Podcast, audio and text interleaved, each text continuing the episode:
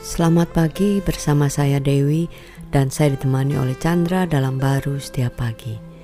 Yohanes 5 ayat 7a dikatakan, Jawab orang sakit itu kepadanya, Tuhan, tidak ada orang yang menurunkan aku ke dalam kolam itu apabila airnya mulai goncang.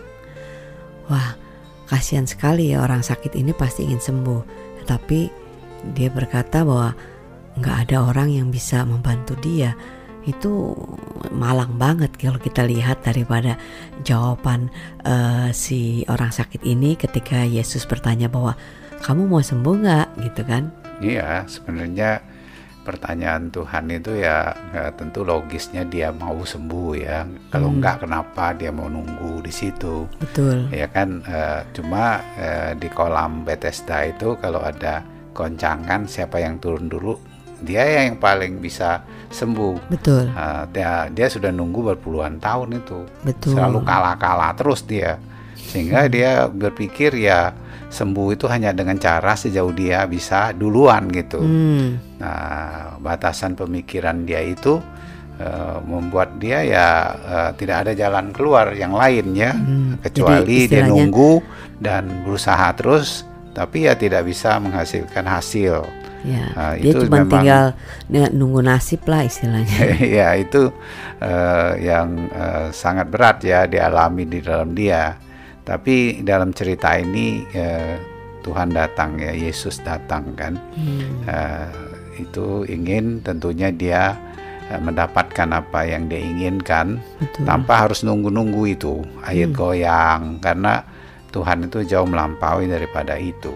Hmm. Ya, itu hanya gambaran aja sebenarnya. Hidup kita itu sebenarnya juga seperti orang lumpuh itu ya tanpa Kristus ya. Betul. Ya, walaupun bentuknya mungkin bukan disakit ya, tapi ada yang di faktor yang lainnya yang kita uh, terpaksa nunggu tapi nggak berhasil-hasil gitu kan. Hmm. Ya, tapi sebenarnya di dalam Kristus tidak lagi uh, menunggu karena Dia sudah menebus kehidupan kita yang lama ini, hmm. uh, yang terbatas ini, yang sudah tidak bisa ini, ya, sehingga kita bisa melihat sejauh Dia dan percaya kepada Dia.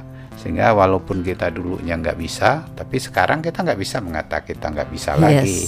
Uh, kalau kita mengatakan kita nggak bisa, kita nggak percaya bahwa Dia sudah memberikan menebus, kita uh, ya, yang baru ya. Ya kita yang lama kita yang baru ya selalu bisa nah, hmm. pemikiran seperti itu sebenarnya membuka diri kita dengan hidup dia ya di dalam kita bekerja hmm. sehingga apa pun yang kita hadapi di dalam hidup ini perubahan yang kita inginkan ya Tuhan taruh di hati kita kita percaya kepada dia ya ada yang cepat ada yang lambat tapi selalu hmm. uh, jauh lebih besar untuk bisa dinyatakan di dalam hidup kita Wow, jadi istilahnya tuh ya uh, di tahun yang baru ini kita itu mulai melihat uh, di dalam hidup kita yang baru.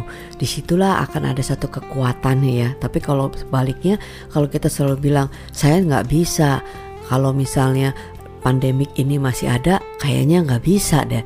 Bisnis tetap nggak jalan deh. Kita nggak bisa berbuat apa-apa. Itu akan berarti kan kita memikirkan diri kita yang lama yang memang ada nggak ada pandemi kita tetap sebenarnya nggak bisa ya tapi yeah. waktu kita ngelihat hidup yang baru itu nggak kita kita batasi lagi dengan kejadian dan fakta yang ada sekarang ini Iya yeah, dengan kita ngelihat kepada Tuhannya ya kita terima kita di tengah situasi justru pandemik itu kelihatan kita lebih besar justru kita bergairah ya hmm. uh, dengan kemuliaan yang dinyatakan bahkan kita bisa melihat itu di dalam hidup kita sehingga kita nggak mudah terbawa perkataan-perkataan yang frustrasi yang nggak hmm. bilang nggak bisa nah itu, itu dia. Yang yang membuat kita pikir ya udahlah kita terima nasib aja lah nunggu aja lah kalau semuanya udah beres. Eh ditunggu-tunggu nih sekarang tahun udah berganti. Ya terima nggak terima nasib kita yang lama memang sudah jelek. Hmm. nah, tapi kalau kita di dalam Kristus ya sebagai anaknya ya nggak mungkin sejauh Kristus demikian kita. Cuma masalahnya kalau kita nggak menerima di hati kita ya uh, tidak kita melihat uh, ekspresi yang kita inginkan dalam hidup ini. Wow, amin. Amin.